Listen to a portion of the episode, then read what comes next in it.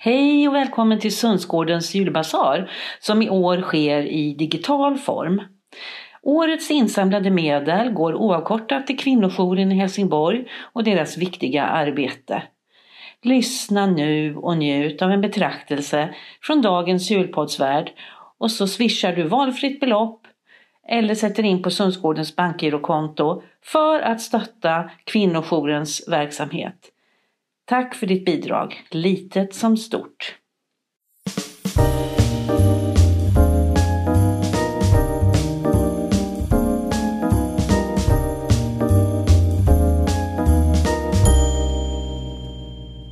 Tänk dig att i varje adventslucka finns en möjlighet. När jag var nio år var jag intresserad av två saker. Politik och teater. Jag drömde om att gestalta historiska kvinnorättskämpar och nutida banbrytare och varje kväll blev tandborstningen till ett brandtal framför badrumsspegeln. I det mindre samhälle jag kommer ifrån var dessa båda inte möjliga att förena. Och för att nära mina skådespelardrömmar började jag därför i det enda som erbjöds, nämligen Pingstkyrkans teatergrupp. Ett par gånger om året satte vi upp en föreställning och inför varje tillfälle hoppades jag på en huvudroll. Kanske var det så att jag inte var tillräckligt talangfull. Eller så var det så att det inte fanns så många kvinnliga huvudroller i Pingstkyrkans bibeltolkning på 80-talet. Jag var husbyggare, kvinna med barn, någon som gick förbi, Medan Marcus och Matteus och, nej, men Marcus och Jesper och Jonas, de, de gick bokstavligen förbi mig i konstnärlig karriär när de fick roller som Petrus och Noa och till och med Jesus. Så kom året då vi skulle gestalta berättelsen om Herodes och som jag åtrådde denna huvudroll trots att jag vid flera tillfällen fått veta att flickor inte kan spela pojkar eller män och i synnerhet inte kungar. Trots tillsägelserna pluggade jag in Herodes samtliga repliker för att sedermera fått veta att jag fått rollen som citronträd.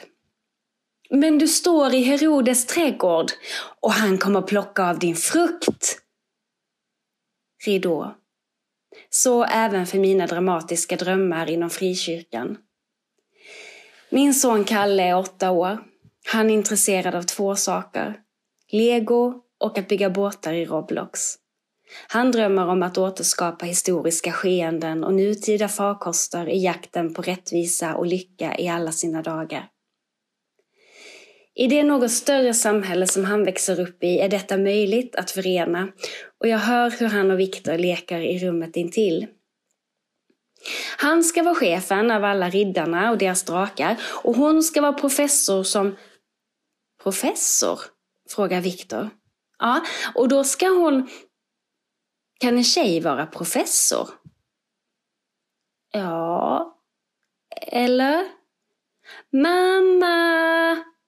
Visst kan tjejer vara vad de vill? Det kan de. Och när vi senare byter till pappavecka och jag lämnar honom på skolan hör jag honom ropa Jag älskar dig mamma! Du är kingen i hela mitt hjärta! Och jag lovar att jag kände kronan på huvudet hela vägen till Sundslottet vid havet. Tänk dig att i varje adventslucka finns en möjlighet att vara precis vad du vill. Och förhoppningsvis en bit choklad.